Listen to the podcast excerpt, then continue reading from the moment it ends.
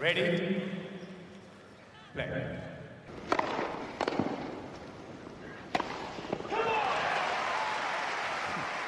Merhabalar, Inside Out'un 18. bölümüne hoş geldiniz. Ben Gökalp. Ben Anıl, merhaba. Bugün Amerika yaz sezonunu konuşacağız. Kuzey Amerika daha doğrusu. Amerika açık senenin son Grand Slam'i önümüzdeki hafta başlıyor. Ee, ondan önce tabii oynanan birkaç hazırlık turnuvası vardı. E, hazırlık turnuvası deyip geçmeyelim. İki tanesi Masters turnuvası. Birisi Kanada, erkekler Toronto'da, kadınlar Montreal'de oynadılar. Ee, diğeri de Cincinnati. Onları konuşacağız bugün Anıl'la. Şampiyonlar, e, öne, öne ön plana çıkan oyuncular, e, güzel maçları konuşacağız. Ondan sonra da birkaç daha küçük turnuva var. Hani onları da Amerika açık adına bize fikir vermesi için orada kazananların üstünden geçeceğiz.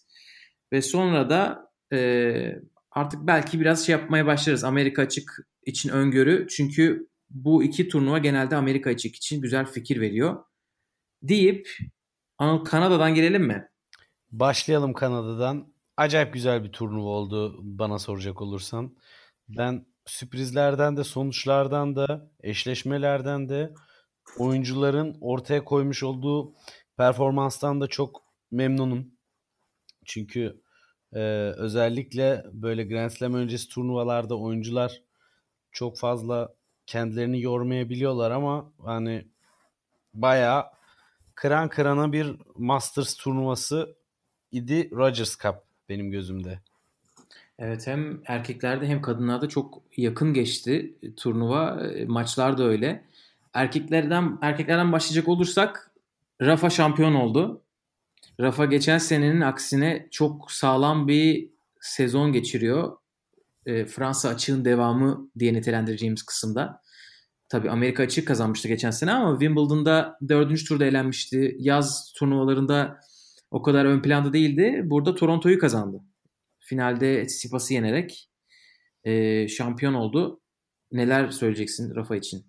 Ya da genel olarak. Ben ilk olarak Rafa'dan e, başlayayım şampiyon olduğu için.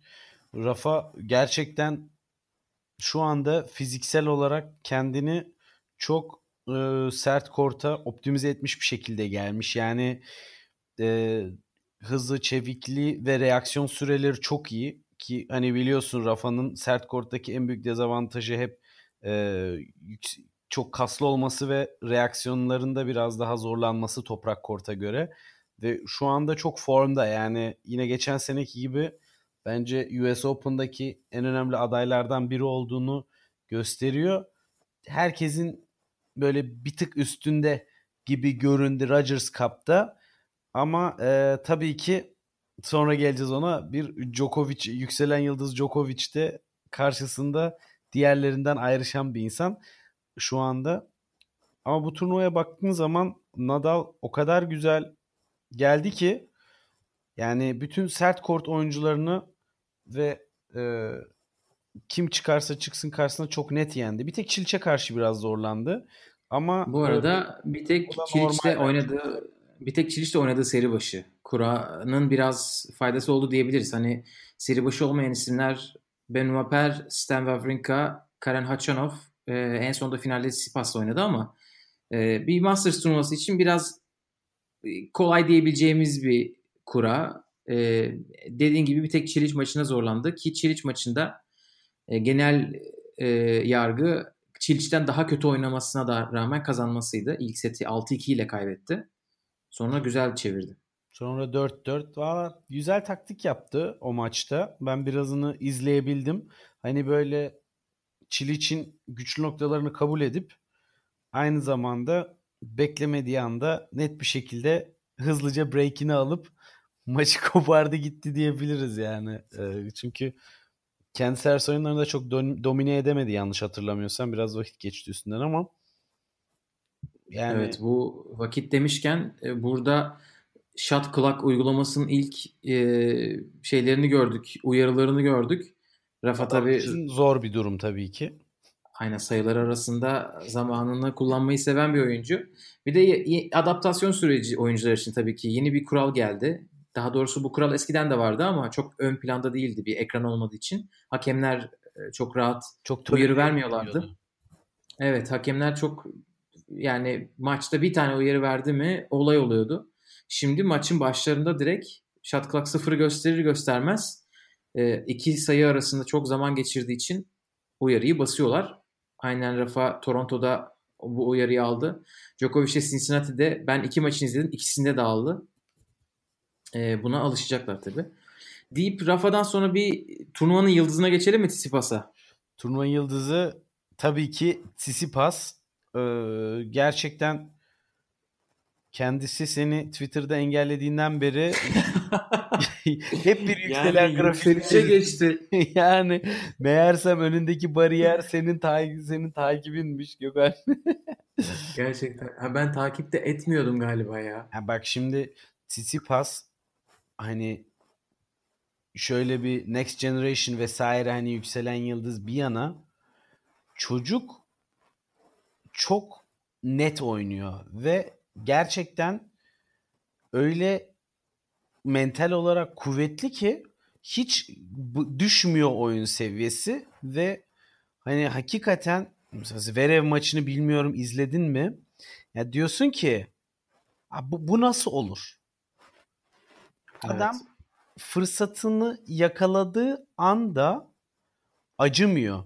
Çünkü 6-3-5-3 yanlış hatırlamıyorsam ve Tsitsipas'ın Zverev'e karşı bir üstünlük kuramadığını e, düşünüyordu. Evet Zverev öndeydi. Zverev öndeydi. Fakat 5-3'teyken hafif öyle öyle bir puan oldu ki o anda onu çok net fark ettim. Tsitsipas böyle şey moduna geçti. Dur lan o kadar da zor değilmiş bu adamı yenmek deyip kendini inancını öyle bir noktaya getirdi ki bu tamamen mental bir değişim oldu. Bir anda çok başka bir boyuta geçti oyunu ve yani öyle bir tiebreak izledik ki yani benim son herhalde 5 senedir abartısız en az izlediğim en heyecanlı tiebreak'ti. Ve bütün puanlar boyunca e, mental kabiliyetini hep üst düzeyde tuttu. Oyun tekniği çok iyi. Hız ve reaksiyon süreleri çok iyi. Yani gümbür gümbür geliyor. Çünkü Evet. e, çok olgun bir tenis oynuyor. Hani Zverev haricinde o yaşlarda hani Zverev'i biz hep böyle ya artık bir şeyler yapmalı şöyle böyle. Bu çocuk daha 21 yaşında hani o kadar uzun süredir izliyoruz ki e, sanki böyle 20 senedir Grand şey 10 senedir Grand Slam'leri oynuyormuş da artık bir şey yapması gerekiyormuş gibi. Halbuki e, o da daha çok genç. Onun yani Zverev haricinde o kadar olgun kortta oynamaya başlayan gençlerden Tsitsipas'ı e, çok net bir şekilde diğerlerinden ayrıştı. Ve kesinlikle tesadüfi değil. Ben bunun gerisinde geleceğine inanıyorum. Anderson'a karşı da aynı şekilde oynadı. Birazını izledim. Gerçi tamamını izleyemedim. Fakat Nadal'a karşı dediğim gibi Nadal çok başka bir yerde. Adam kafa çok net. Taktikleri çok güzel uyguluyor, değiştiriyor. Karşı tarafa Nadal'ı- reaksiyon gösteriyor. Nadal'ı şey yapmadan önce bir Tsitsipas'ın yendiği adamları konuşalım. Çünkü sen Zverev maçına odaklandın ama gerçekten yani men- mental olarak çok iyi olmasının göstergelerinden birisi aynı haftada 2000 Masters turnuvasından bahsediyoruz. İlk turda Cumhur'u eledi. Evet. İkinci turda Dominic Thiem eledi. ki Kendisi ilk 10 oyuncusu. Her Evet. ne kadar Ha, kortta oynayamasa da. Team'i de Üçü- zaten yani nasıl derler sürklase etti resmen yani. İkinci set tiebreak de bitti gerçi ama team'in maçı Evet. kaybedeceği başından sonuna kadar belliydi. Djokovic keza acayip bir maç oldu. Yani ben- Evet yani 3. turda Djokovic'i yenmesi o çok büyük bir başarı. Evet. Djokovic'i Kanada'da yeniyorsun. Çünkü e, bu Djokovic'in en sevdiği zeminlerden birisi. Djokovic'in Onun ne üstüne- seviyede olduğunu da Cincinnati'de gördük zaten. Evet onun üstüne gidip Zverev'i yendi. Ee, Zverev dediğin gibi e, artık tecrübeli ama o da genç. Ee, bu geçen sene biraz Shapovalov'un yaptığına benziyor ama Shapovalov tabii burada çok fazla e, ev sahibi olmanın verdiği bir avantajla oynamıştı. Del Potro'yu ondan sonra da Nadal'ı yenmişti Evet. Kanada'da. Kanada biraz gençlerde yıldız çıkartıyor bir iki senedir. Ee, Kevin Anderson'ı da yenmesi çok e, önemli bir olay çünkü Djokovic ve Zverev galibiyetlerin üstüne bir mental ağırlık da olması lazım. Onun üstüne bir fiziksel bir ağırlık da olması gerekiyor. Zaten e, Cincinnati'de ilk turda kaybetti Sivas Goffen'e.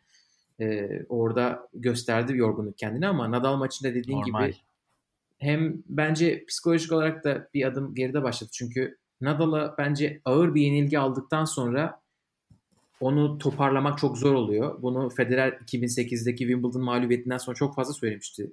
O mağlubiyetten sonra çok e, hani psikolojik olarak kendimi geriye düşürdüm. 2009'daki Avustralya açıkta öyle oldu falan. Tsitsipas da Nadal'la bundan önce Barcelona'da 500'lük turnuvada final oynamıştı. Hani Barcelona'da Nadal'la oynayan adam büyük ihtimal Nadal'ın kafasında öyle hatırlıyor. Bir İlk seti 6-2 kaybetti. tanrılaştırma. Evet evet. Büyük ihtimalle zaten şey giriyorsun. Korta girerken bir e, ne zaman break kırdırmam, şey break vermem acaba? Servisimi kırdırmadım. Öyle üstünde çok büyük bir baskı oluyor. Ama senin Zverev maçını anlattığın gibi hani o 5-3'ten geri çevirirken artık kaybedecek hiçbir şey olmaması Nadal maçının ikinci setinde de yaşandı. O Nadal e, bir breakle öndeydi. Sanırım 5-3'tü. Son, son anda kırdı ya. Oradan sonra e, yanlış hatırlamıyorsam Sipas'ın bir set puanı bile olabilir. E, ama tiebreak'e götürdü. Çok güzel bir ikinci set izledik. İlk sette ama biraz heyecanla yenik düştü diyebiliriz. Onlar normal şeyler bence. Ee, kendi yeteneğinin ne seviyede olduğunu bu tarz oyuncularla oynadıkça farkına varıyor. Hani çünkü bu tenis öyle bir spor ki sen karşındaki ne, hangi seviyedeyse sen ona göre de vitesini yükseltiyorsun esasında. Yani iyi oyuncularla oynadıkça daha iyi hale geliyorsun ve daha iyi oynayabildiğini de görüyorsun.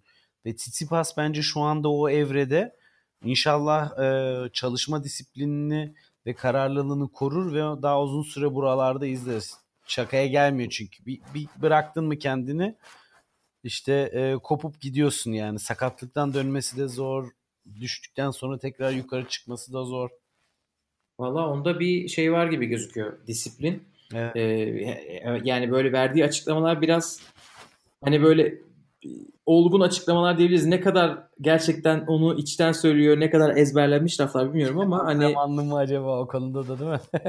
evet yani özenip söylüyor olabilir ya da gerçekten içinden geldiği için de olabilir. Çünkü bazı oyuncular işte mesela Çoric'in ne kadar olgun olduğunu ben hala kestiremiyorum ama Sipas'ın Instagram'da işte koyduğu şeyler e, basın toplantısında verdiği mesaj yani bu kupa konuşmasında bile işte ne dedi e, prosese inandığınız için teşekkür ederim dedi ki bu genelde oyuncuya söylenen bir şeydir. Hani prosese inan hani bir turnuvada sonuç bekleme bir senede sonuç bekle.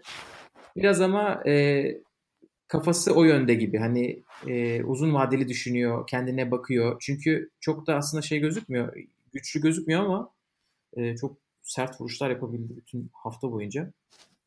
E, güzel de bir tenis izletti. Zverev'i eledi. Zverev e, geçen sene burada şampiyon olmuştu Federer'i yenip. Oradan birkaç e, birkaç kaybetti. demeyeyim bayağı puan kaybetti. Ama arada bunda bu turnuvadan önce Washington'ı kazandı. E, Deminur'u yenerek 500'lük bir turnuva. Geçen sene de kazanmıştı ama onu yanlış hatırlamıyorsam. Evet doğru. Wa- Washington'ı geçen sene de kazanmıştı. Ama kupa kupadır. E, Hayır, Fena- puan açısından şimdi puandan bahsettiğin için hani oradan doğru. Arayı Doğru, doğru. Orada- giden gitti. E, bakıyorum kimi elemiş. Çünkü orada da Sipas evet Sipas'ı elemiş orada. Yani o biraz şey oldu. E, nedir o? E, Kar- rövanş oldu. Bak, Kanada. E, yarı finalde Tsitsipas'ı elemiş Zverev. Ondan önce de Nishikori'yi elemiş. Güzel maçlar oynamış Washington'da.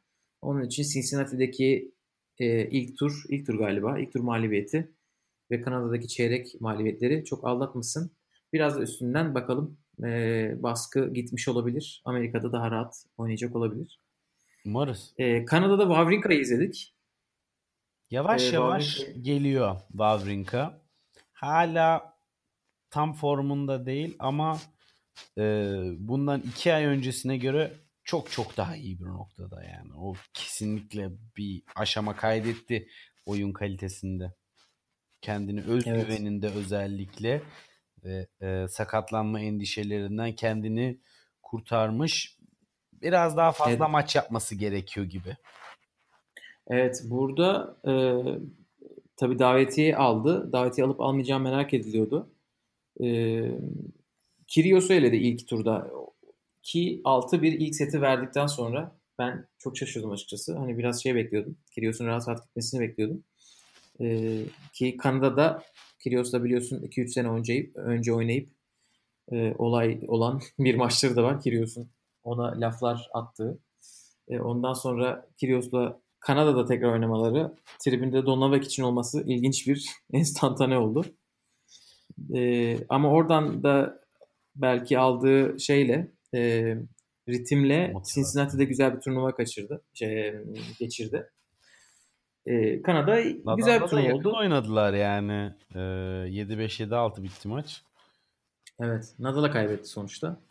E, Toronto'da Nadal'a, Cincinnati'de Federer'e kaybetti.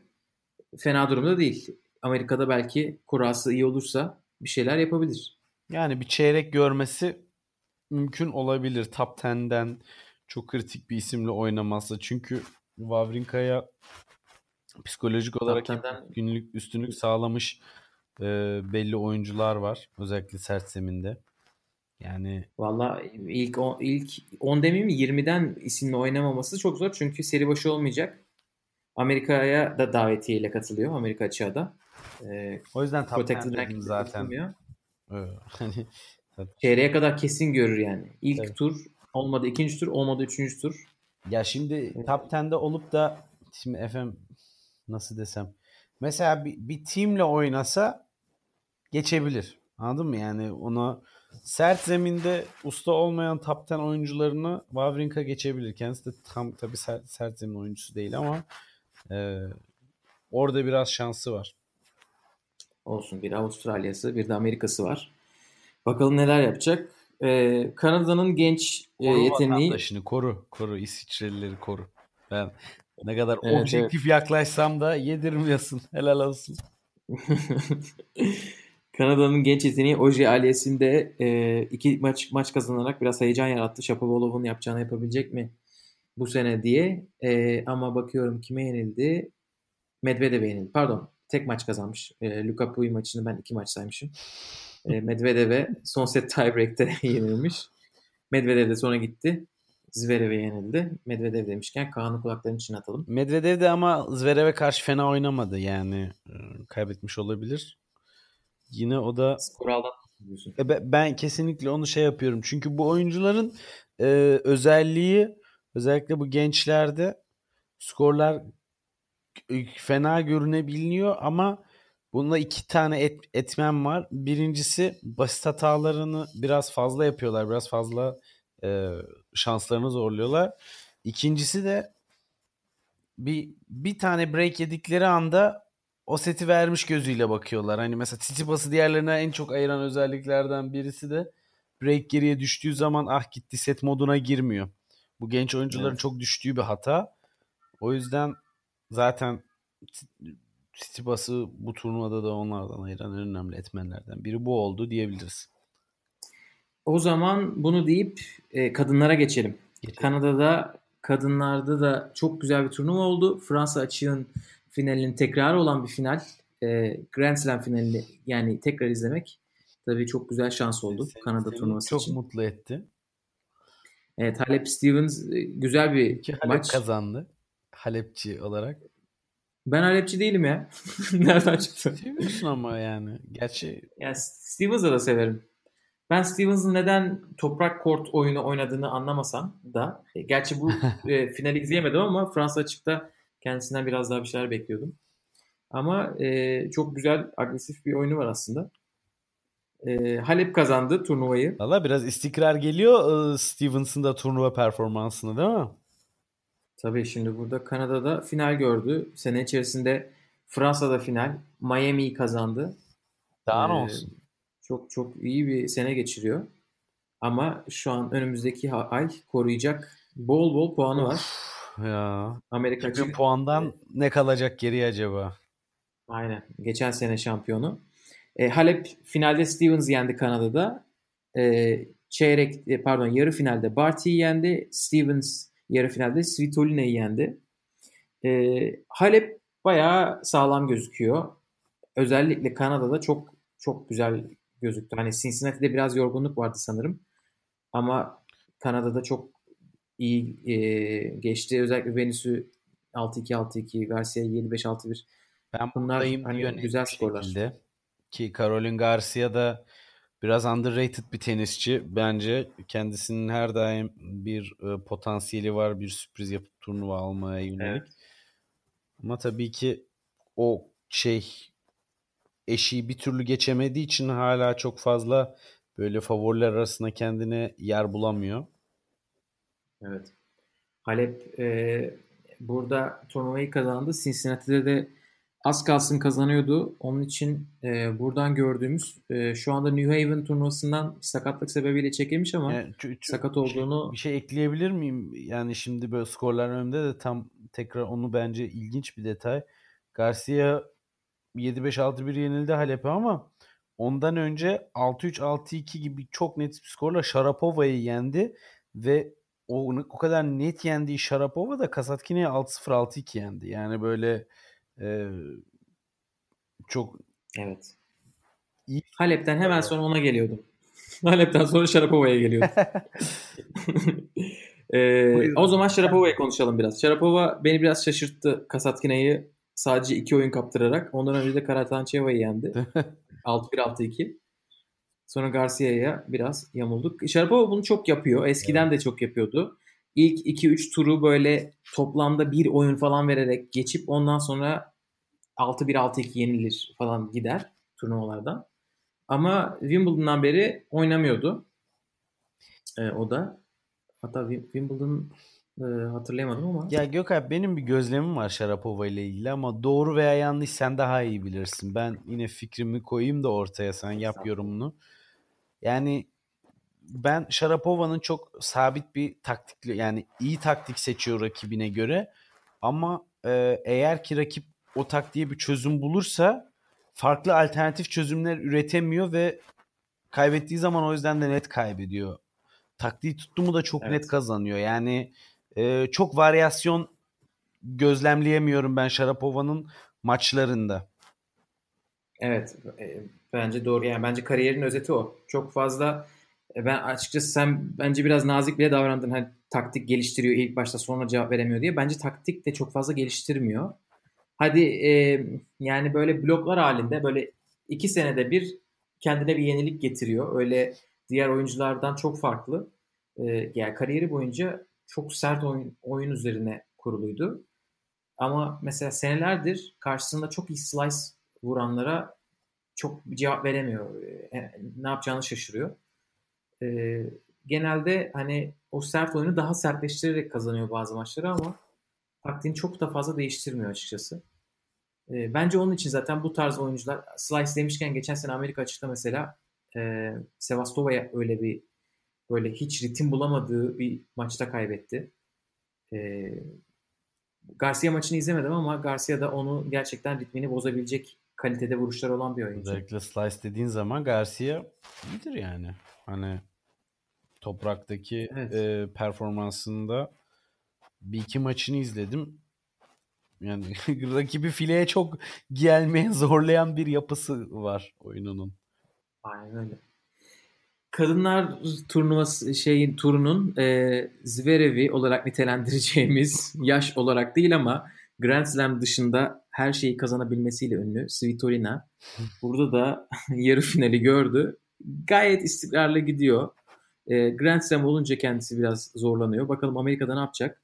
Mertens de öyle. Mertens de çeyrek gördü. E, hani toprakta güzel sezon geçirdi. Acaba gerçi Mertens Avustralya'da da yarı final oynamıştı bu sene. Bu ikisi e, çaktırmadan puan kazanıyorlar. Öyle çok e, favori olmadan. Valla işte ilk 16'da ee, olsunlar da US Open'da kafaları rahat olsun diye net bir şekilde geliyorlar yani. Evet.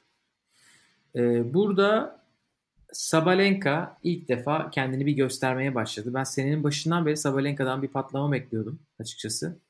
Sanırım bunu bu e, toprak sezonunda konuşmuştuk. E, Sabalenka'nın ne kadar böyle sert oynadığını e, bu Lugano'ya konuştuğumuz zaman çünkü orada izlemiştim.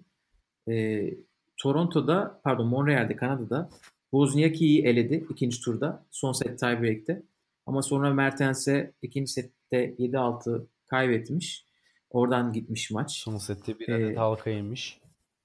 Aynen halka yemiş. Oradan sonra zaten bakalım yavaş yavaş geliyor derken Cincinnati'de asıl patlamayı gösterdi ve yarı final gördü. Orada Halep'i biraz zorladı da. E, kendisi bu hafta eğer bir turnuva oynamasaydı ki New Haven oynuyor. Amerika'da kendisinden bir şeyler bekliyorum diyebilirdim.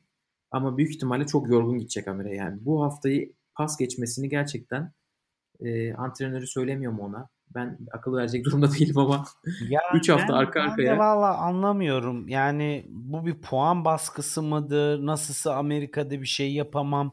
Ee, öncesinde ne kadar puan toplasam kardır mı? Yani bu her turnuvaya katılma obsesyonu olan oyuncuları biraz yadırgıyorum açıkçası. Yani Bence team biraz maç hariç pratiği. team'in kasları müsaade ediyor anlaşılan. Herif yorulmuyor da onun dışında Team nasıl yorulmuyor ya? Yine gitti. Yine yine yok ortalıkta. yine toprak sezondan sonra kendisi biliyorsun O- Kit o- Büyü'yle falan O gitmişti. kafada ya. Bak ben sana samimi söyleyeyim. O kafada yani adamın e, ya Tsitsipas'a karşı da oyununu gördüm. Hiç yani varlık gösteremedi.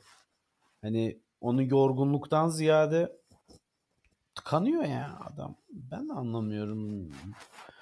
Team'i çözmek çok zor. Biz hemen e, WTA. Kad- Kanada'yı bitirelim. E, Burada Barty de yarı final gördü. Onu da bir e, not etmek lazım. Çünkü Barty de şanssız kura çekenlerden aynı Wawrinka'nın Nadal ve Federer'i arka arkaya elenmesi gibi Barty arka arkaya Halep'e yenildi. Önce Montreal'de sonra Cincinnati'de. E, ona gidene kadar bütün maçlarını kazandı. E, ama ondan da belki güzel bir kurayla 1-2 e, normalde getirdiğinden daha üst bir tur bekleyebiliriz Amerika'da. E, deyip Cincinnati'ye geçelim mi? Geçelim, geçelim. Cincinnati gerçekten bu sene Hamburg'da yağmayan yağmur, e, Cincinnati'de yağdı. Yani Cincinnati gerçekten bildiğiniz sonbaharda Rize Cincinnati gibi. olalı böyle yağmur görmedi yani. Yalnız gerçekten görmemiş. Cincinnati Cincinnati olalı Ağustos ayında bu kadar yağmur görmemiş. Ve hepsini geçen hafta kapalı kort olmayan bir tenis turnuvası sırasında gördü. Ya. Turnuva direktörleri en son Allah'ım sana şükürler olsun falan diyorlardı Cuma akşamı. Çünkü Cuma gününe böyle 50 tane falan maç yapılması gerekiyordu. Sarkan maçlardan. Ya. En son tamamlayabildiler turnuvayı. Valla Gökalp alırsan Hamburg'un elinden Masters'ı böyle olur. Yani önce çatısını kapatmayı becerebilsin de bazı turnuvalar. bazı bazı bazı. Onlar kendilerini çok iyi biliyor. Onlar kendilerini çok iyi biliyorlar Mikael değil. Ama bu kadar Neyse. e, yakın tarihlerde ben Masters olmasını açıkçası çok sevmiyorum, sevemiyorum, doğru da bulmuyorum. Koca Evet. koca 52 haftada 2 hafta ardışık bir şekilde bu toprakta da var, sert zeminde de var. Yani özellikle ilk 16 oyuncular için çok doğru bir şey değil. Tabii ki her oyuncunun kendi inisiyatifinde turnuva seçebiliyorsun. Hani işin cezası çok umurlarında olmaz. Ama ya gereksiz bir baskı oluyor oyuncuların üzerinde ve ben bunun bak hala arkasındayım. Roland Garros öncesinde de söyledim. Grand Slam'lerdeki performansları çok ciddi etkiliyor. Evet bence de Toronto ile Cincinnati arasında bir tane bir hafta bırakılabilir ama Abi Washington'la Toronto'nun yerini değiştirsin. Atıyorum. ama bir sebepten yapmıyorlar. İşte yani. Onu iyi bir araştırmak lazım. Yani Madrid ile Roma da öyle. O ikisinin arasında da hafta yok. Direkt Ticaridir Madrid'den ya. Roma'ya geçiyorlar. Ticaridir ya. Başka ne olacak? Bu arada bir haftada oynanmıyor bu turnuvalar. İkisi yan yana oldukları için e, ikisi toplamda böyle 3 haftaya yayılıyor olabiliyor. 2-3 ekstra günleri oluyor en azından ilk tur maçları oynayanlar için. E, erkeklerden başlayalım. Dün Federer, Djokovic 46. defa oynadılar. Tarihi bir önemi vardı. Tabii ki artık bu adamlar o kadar çok şey kazandılar ki her oynadıkları maçın tarihi bir önemi oluyor. Federer kazansaydı 8. Cincinnati şampiyonluğu olacaktı. Başka ne rekor kırıyordu hatırlamıyorum. Zaten Kesin turnuvayı en şey çok kazanan vardır. isim. Yani 7 ama hala en çok kupaya sahip Cincinnati'de isim o. Birçok sert zemin e, turnuvasındaki katıldığı, düzenli olarak katıldığı çoğu turnuvada olduğu gibi maksimum kupayı kaldıran kişi kendisi. Ama Federer'in kazanamadığı birkaç tane önemli Masters turnuvası var. Var. Djokovic onları kazandı zamanında. E, o yüzden Roma olsun, Djokovic olsun. e, Onları kazandı. Djokovic'in için maçın önemi bunu kazansaydı ki kazandı. Bütün Masters turnuvalarını kazanan ilk oyuncu olacaktı ve oldu. Ben şaşırdım. Kendisini Bunu daha kutluyoruz. önce birisini başaramamış olmasına şaşırdım. Bilmiyordum yani bu finalden önce duymuştum. Baktım yani hakikaten yok ya. Ee, 1990'dan beri sanırım Masters turnuvaları oynanıyor. Hani bir onu söylemekte fayda var. Çünkü Evet o evet Ee, önemli o doğru söyledin. İyi hatırlattın. yani bununla beraber bütün o McEnroe, işte Jimmy Connors, Ilian Astase, Rod Laver ne varsa o öndekileri bir zaten elemiş oluyoruz. Ama yine Ee, ama yine de erkeklerde Nadal Nadal da sanırım 5 defa Miami finali oynadı mesela. alamam. 5'ini kaybetti. Nadal'ın tek sanırım e, Paris'i aldım hatırlamıyorum ama almış olması Seneye lazım. bütün sezonu pas geçip Miami'ye hazırlanıyormuş Nadal. Ben de alacağım o Evet. rekoru. Aynen öyle. Federer Monte Carlo'da çok final oynadı. Hatta bir defa Stan Wawrinka'yı yenmek üzereyken verdi. Roma'da çok final oynadı tekrar. E, bir defa Nadal'la 5. sette epik bir böyle 7-6'lık biten bir maçları var. E, derken ama bunları bace- Beş- beceremediler. sette mi? Evet. Çünkü eskiden Masters finalleri 5 set üzerine oynanıyordu. Ha, ben, ben Onun için Federer hatta bu o zaman hafta ben yanlış maçı hatırlıyorum pardon ben 3 setlik maç hatırlıyorum. Okey. Yo 3 set 3 sete geçti. Eskiden 5 setti ama sanırım 2008'de falan değişmiş olabilir. Hatta bu tekrar konuşuluyor işte 3 set 5 set tartışmaları çıktı. Djokovic 3 set istiyor slamlerde. Federer diyor ki slamlerde 5 set yetmez. Masters turnuvalarında ve sene sonu finallerinin finallerini de 5 set yapalım tekrar diyor. Ee, böyle de bir şeyleri var. Cricket gibi 5 Djokovic- maçlarımız falan. Djokovic Federer'i 6-4 6-4 ile geçti. Federer e, bu maçtan önce Cincinnati'de arka arkaya tam 98 sanırım servis oyununu kazandı. Bu turnuva ya bu sene ve 2015 senesi ve 2014 finalinde en son David Ferrer'e kırdırdığı servisten itibaren böyle çılgın bir rekoru vardı. Bunu Djokovic'in kıracağını biliyorduk. E, herhalde kırmayacağını düşünen yoktur. E, üçüncü servis oyununda Djokovic Federer'in e, Parçaladı. ya da dördüncü. Orada bir kırdı. Parçaladı demeyeyim çünkü çift hatalar falan yaptı Federer. ya Ee, sonra Djokovic güzel tutundu sayılara. Djokovic bu arada gerçekten yani o elastisi de dönmüş. O o esneklik, zaman her topa uzanma, başlı Djokovic'ten her şeyi- başlayalım mı? Yani e, o loblar falan filan e, gerçekten Amerika açık böyle bence 2017 Avustralya açıktan beri izlediğimiz en güzel Grand Slam olacak deyip sözü sana bırakayım. Ee, ya Gökalp Djokovic'in bilmiyorum bu turnuvada kaç maçını izleyebildin. Yani ben iki buçuk maçını izledim diyeyim böyle aşağı yukarı. Yani 3. Ben de 3 maç izledim. şu var. Hızı gelmiş. Esnekliği gelmiş. Maşallah ya bacak bacakları bir esniyor pergel gibi. Üçüncü ve en önemlisi placement'ı topların inanılmaz bir seviyeye gelmiş. Yani benim bu turnuvada izlediğim Djokovic yani hem duvar hem atletik böyle acayip bir boyutta tenis oynadı ya. Yani ben tabii ki bütün maçlarını eze eze kazanmadı. Çok da o anormal bir şey değil. Gerçekten çok usta servisçilere karşı oynadı. Hani kolay değil. Raonic'e karşı oynadı, Çiliç'e karşı oynadı, Federer'e karşı oynadı, Dimitrov'a karşı oynadı. Hani e, Mişa'yı, Cumhur'u, Mişa'yı falan saymıyorum. Ama e, yani çok ben çok beğendim Djokovic'i bu turnuvada ve bu seviyede olmasına acayip sevindim. Çünkü gelen Next Generation'ın yarattığı rekabetle beraber şimdi Murray hala eksik tabi o yukarılarda ama bence yani ikinci turdan itibaren ben sana söyleyeyim acayip US Open maçları bizi bekliyor. Üst taraftaki kalite birbirine gün geçtikçe yaklaşıyor. Ve Ben burada lafını bir balla böleyim mi? Ben e, çünkü finalde çok güzel oynadığını düşünüyorum ama Çiliç ve Raonic maçlarında çok iyi oynamadı Djokovic bence. Ee, ikisinde de maç gidebilirdi. Özellikle 3. sette sanırım iki maçta da 3-3'ten sonra çevirdi maçı. Yoksa Çiliç güzel oynuyordu, Raonic de güzel oynuyordu. Bir şekilde Yani bir tık daha iyi oynayarak kazandı. Federer maçında öyle değildi. Federer maçı bence apayrı bir hikaye. Hangisi Amerika açığa örnek teşkil eder bilmiyorum ama e, Raonic ve Çiliç maçlarını izledim ben. O ikisinde de bence Raonic ile Çiliç de bir fırsat teptiler. Üçüncü sette bir şeyler yapabilirlerdi.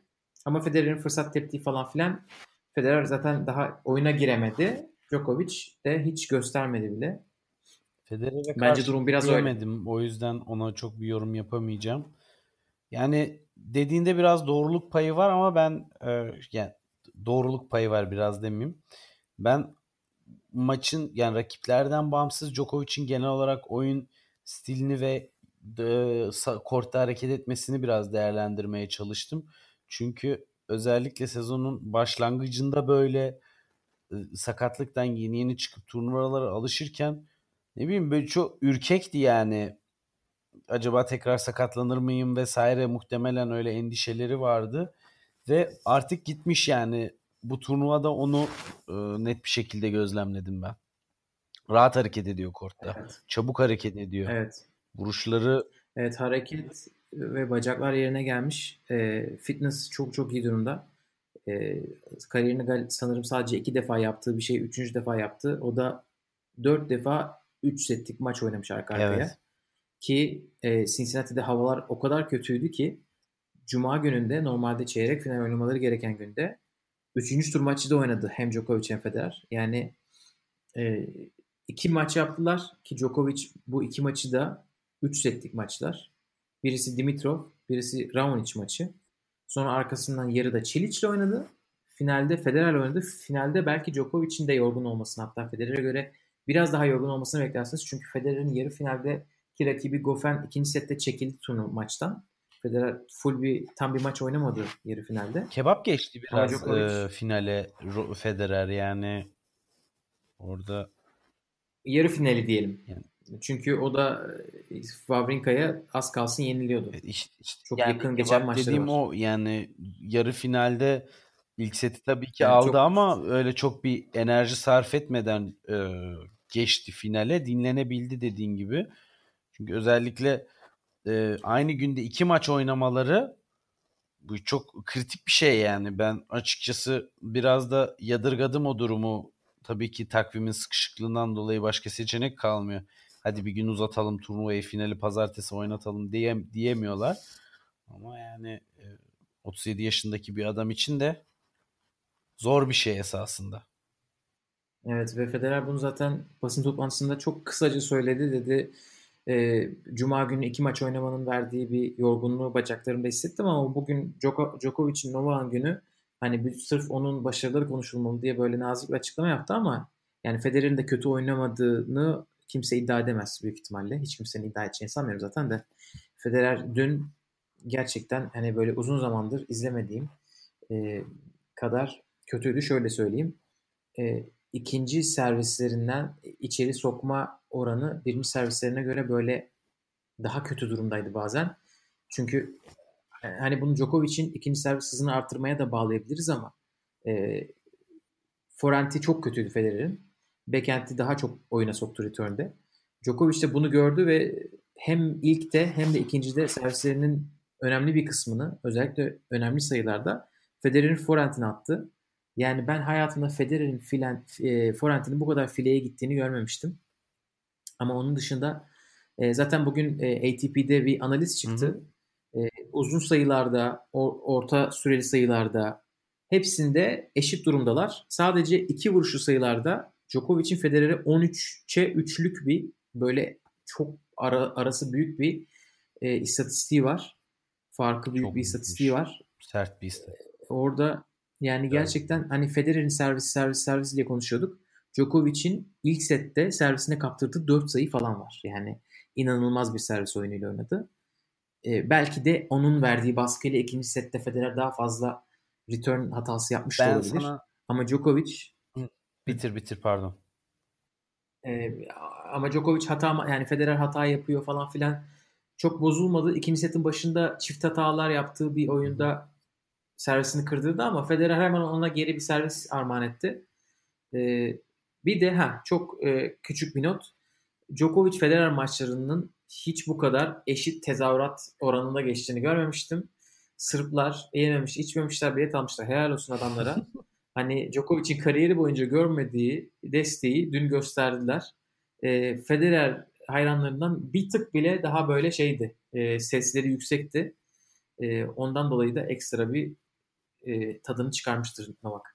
Yani tabii ki anlamından dolayı da normalde başkasını destekleyecek veya Federer'i destekleyecek insanlar da Djokovic'in e, bu başarıyı kazanmasını arzu etmişlerdir. Buna yönelik bir heyecan vardır illaki. Ama ben Federer'le ilgili ufak bir parantez açmak istiyorum. Final maçını dediğim gibi izleyemedim.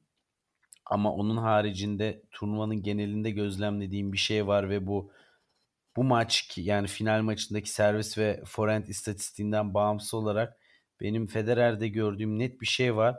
Bu turnuvada e, backend'i konusunda yani US Open'a kadar backend'ini oturtmalı yoksa o çok büyük sıkıntı açacak başına. Orada orası şu anda bence kritik bir nokta. Federer'in ben backend'ini izlediğim maçlarında pek istikrarlı bulmadım. Yani iyi vurdu vuruşları oluyor eyvallah ama bir istikrar yok. Yani güven vermiyor. Her an bir hata gelebilir izlenimi uyandırdı bende. Finali izlesen e, o kadar moralini bozmazdın büyük ihtimalle. Bekent biraz daha kurtaran moddaydı. Ama diğerleri kötü. Bence zaten yani. Kötünün iyisi miymiş? yani Bekent'ten dolayı hani maçta Aldım. maç 6-4 6-4 bitti. Bekent'i olmasa 1-1 bitebilirdi maç. 6-1 6-1. E, bence forehand bir de e, bilmiyorum Federer'le alakalı bunu çok söylemiyoruz. Çok alışkın olmadığımız bir şey ama e, footwork yani ayak çalışması belirleyecek bence Amerika performansını ama e, zaten şu anda genel kanı oluştu dünden itibaren. Djokovic Amerika için favorisi. Bence çok net favori değil ama bir tık Nadal'ın önünde.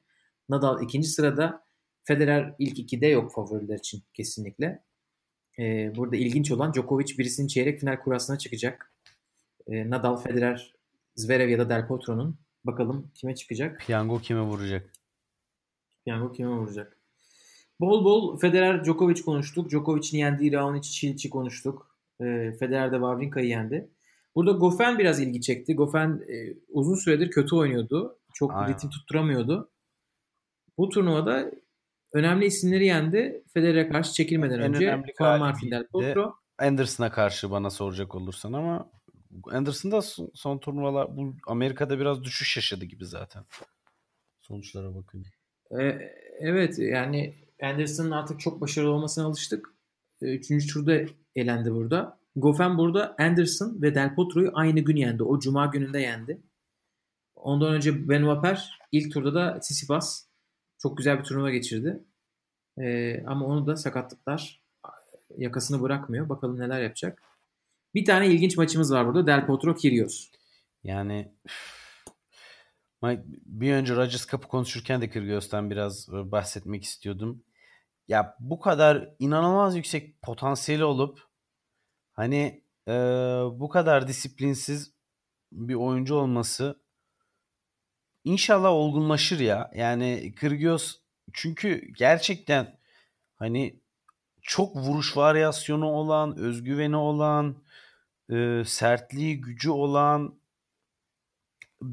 yani böyle aslında komple özellikleri barındıran bir tenisçi görünümündeyken böyle resmen maçı kaybetmek istediği için kaybeden bir yapısı var adamın ya. ya. Çok acayip yani tarif edilemez.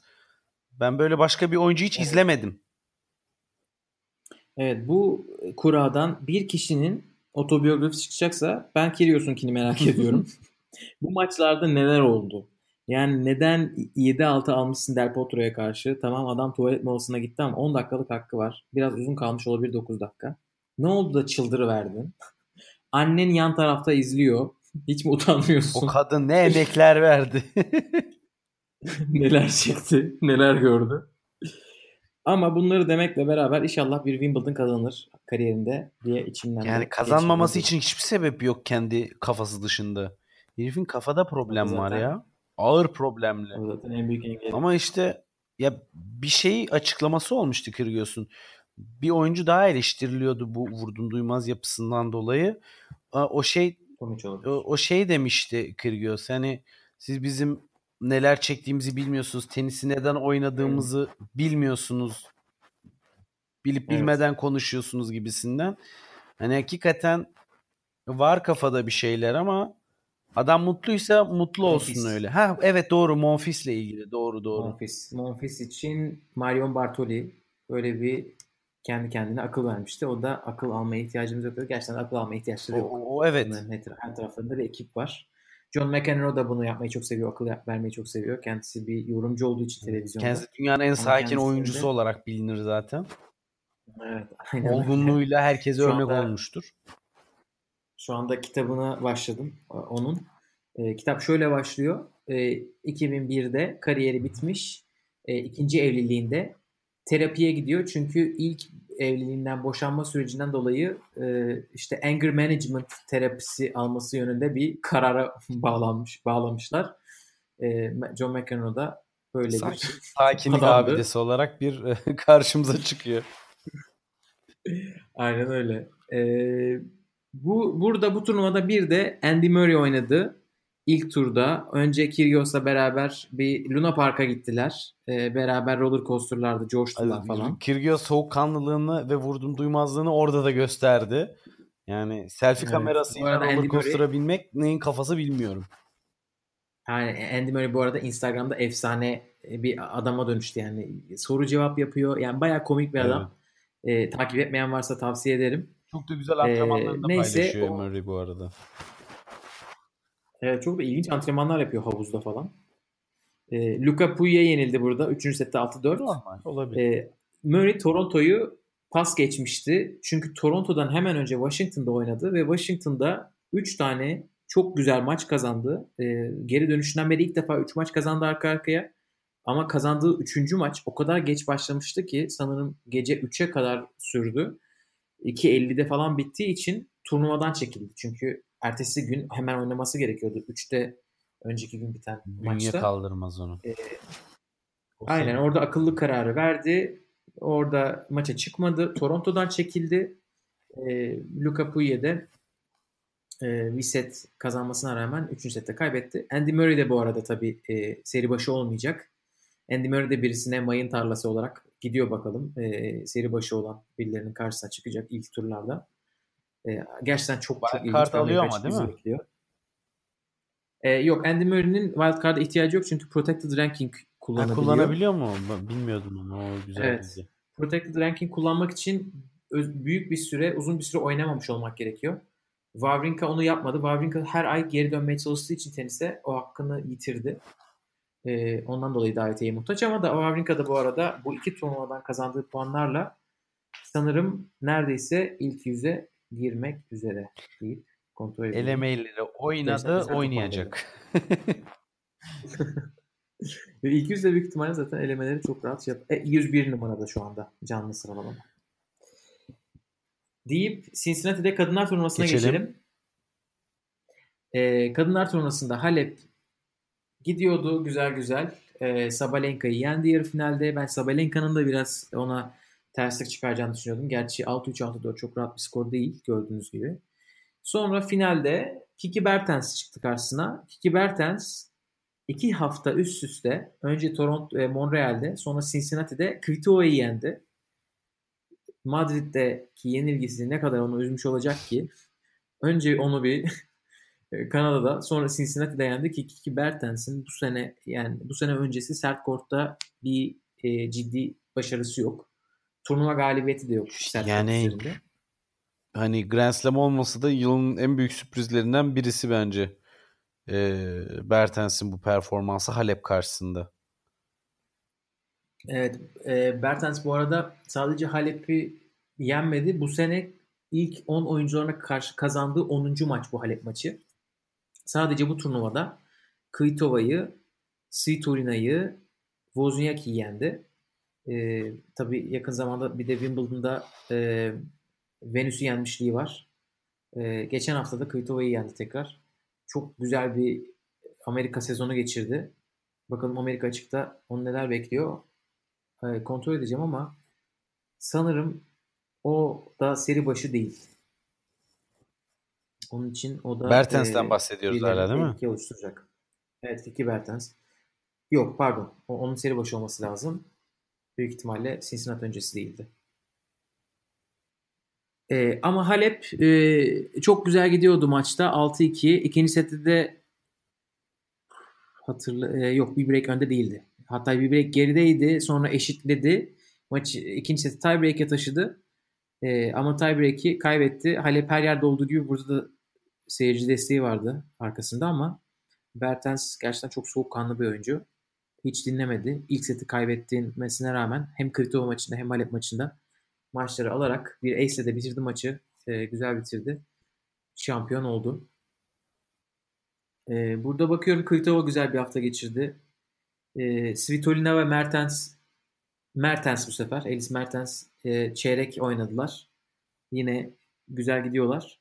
Sabalenka'ya turnuvanın ikinci sürprizi diyebiliriz. Kiki Bertens'ten sonra. Ya bak, bak zaten hani bu Grand Slam'lerdeki aşırı fazla sürprizleri bir kenara bırakırsak hakikaten e, Kvitova, Svitolina hani Halep harici konuşuyorum.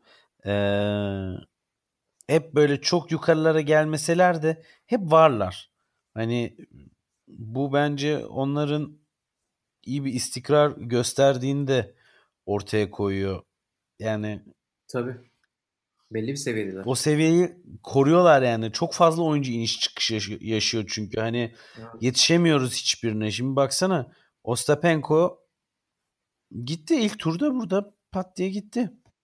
Alize Cornea'ya Evet. yenildi evet. Ya bu onlar için şunun için önemli. Tabii seri başlarını koruyorlar. Hani. Amerika'ya ilk e, 16'da girecekler. Hatta Svitolina tabii ki ilk 8'de girecek. E, gayet güzel onlar için.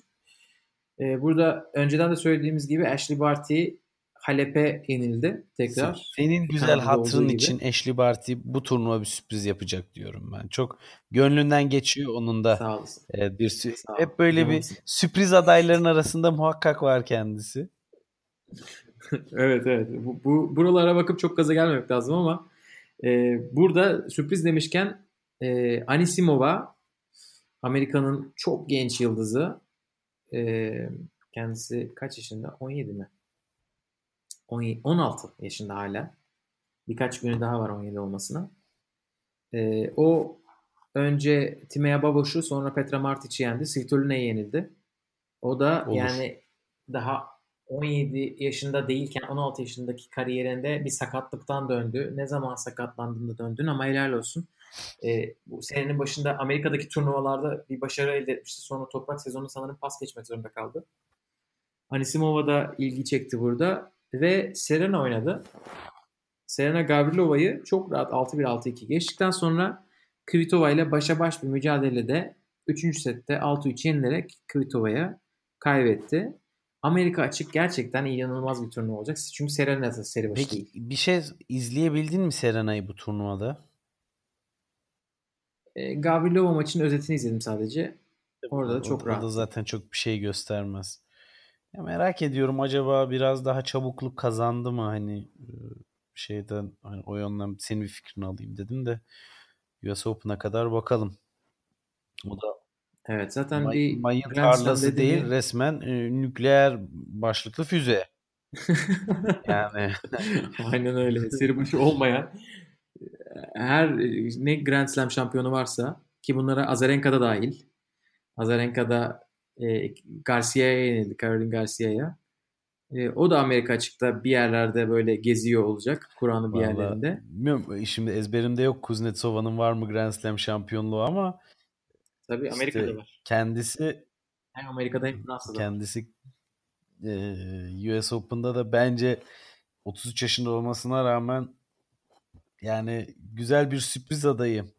Çok kuvvetli tenisçi. çünkü. Evet Washington'ı kazandı. Donovekic'i yenip Yani San küçük Jose'de turnuvalar de çok fazla e, benim için bir gösterge değil biliyorsun ben o turnuvaları çok şey gösterge olarak kabul etmiyorum. E, Genel ama ben çok şaşırdım. Ama Çünkü Kuznetsova toprakta daha rahat oynamasına rağmen toprak sezonunda neredeyse iki maç arka arkaya hiç kazanamadı. Burada turnuva kazanması bence onun için çok şaşırtıcı. Hiç beklemedim. Evet şaşırtıcı ama dediğim gibi ben bir gösterge olarak almıyorum. Gösterge değil. Doğru. Doğru. Yok yok haklısın. Deyip Cincinnati'yi Evet. bitirelim.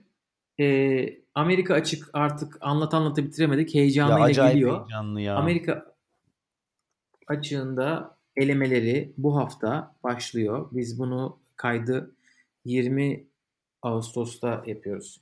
Pazartesi akşamı. Ama sana şey yolladım şu Aldım. anda. Eleme kurası. Çünkü kadınlar eleme Canımız kurası çıkmış. ciğerimiz. Çağla'nın Sağlamaz. Evet Çağla'nın nerede olduğunu şu anda görüyorum. İlk turda 27 numaralı seri başıyla oynayacak. Bakalım bu 27 numaralı seri başı kimdir? Fang Zhao Liu adlı Tianjin'de doğmuş, Tianjin'de büyümüş. 95 doğumlu. Ee, kendisi hakkında pek bir şey bilmiyorum. Onu bir araştırmak lazım. Çağla maçını e, ya bir şey- yarın şey ya da Bilmemen çarşamba çok oynayacak normal. Kızın zaten kaç tane maçı var ki? Totalde Evet büyük ihtimalle daha çok ITF'de oynuyor. WTA yerine. Ki normaldir yani. WTA'de totalde 6 galibiyeti var. Hani birine denk geldiysen eskaza bir yerde bu sene 2 galibiyet olmuş bilmiyorum. yani Evet bu sene bu arada e, bayağı yok. Bir tane final oynamış. 50 binlik bir turnuvada. Ondan önce geçen sene bir 100 binde, bir 25'te, bir 50'de final oynamış. Kazanamamış bayağı 2016'dan beri. Bakalım Çağla'ya başarılar diliyoruz. çok aşırı, çok aşırı da genç değil yani desen ki Evet İpek'ten Ee, bir yaş büyük. bir potansiyeli var geliyor. Yani vallahi Bu maçı kazanırsa da umuyorum ya yani ben Çağla'ya inanıyorum özellikle e, Sersem'inde daha fazla inanmak istiyorum çünkü kuvvetli bir Evet. forendi var. Burada Krikova ile Ee, oynadığı bir maç var. Yani o- onları yapan e, Arthur Ashe stadyumunda tecrübesi olan bir tenisçimizden bahsediyoruz. İnşallah e, güzel bir maç ya da maçlar geçirir. E, Öyle ya da böyle çok önemli bir örnek kendisi.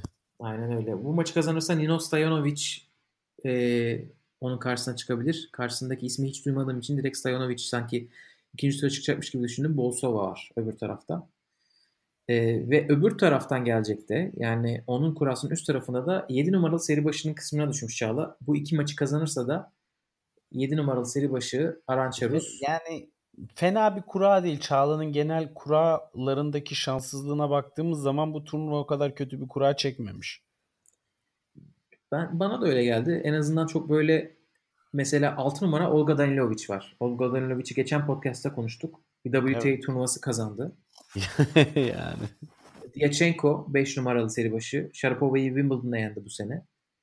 Ee, Golubic fena değildir. Yani Potapova yine o Danilovic'le beraber finalde oynadılar Moskova'da. Dediğin gibi çok e, en azından WTA zaferi olan bir taraftan gelmiyor. Ona başarılar diliyoruz. İnşallah e, güzel bir turnuva geçirir. E, Amerika açık turnuvasının elemeleri 20 Ağustos haftası oynanacak. 27 Ağustos'ta da turnuva başlıyor. Umuyoruz turnuvadan önce de de bir tane Ya, podcast. Yankı da Amerika'da hazırlıklarına son sürat devam ediyor. Yani onu da unutmayalım arada. Tabii ki Evet Junior'lar. Yankı e, bir önceden bir turnuva oynuyor şu anda bildiğim kadarıyla. E, ondan sonra Amerika'ya gidecek. Amerika'da tabii Junior turnuvaları 27'sine değil sonraki hafta başlıyor. Ama E, New York'ta değil o- miydi ya? Ben en son baktığımda New York'ta antrenman yapıyordu. Yanlış mı? Amerika açıkta değil ama. Tabii başka hayır ama. New York'ta yani e, sonuç itibariyle orada hazırlıklarına devam ediyor. Aynen aynen. E, bizim ekibi konuşuyoruz bu arada. Başak'a da konuşalım. Başak Ya helal olsun kıza. Gerçekten toparladı güzel bir şekilde. Çok net alıyor. aynen öyle. Las Palmas'a gitti. Kanarya Adaları sanırım orası. Evet. Ve gider gitmez. 3 hafta kaldı orada. 3 haftada İki final sanırım- kupa. Mı? İki kupa bir Yok. final. iki tekler kupası, bir tekler finali, iki de çiftler finali. Öyle olması lazım. Nerede ne kadar puan varsa topladı. Helal Çok olsun. güzel maçlar oynadı.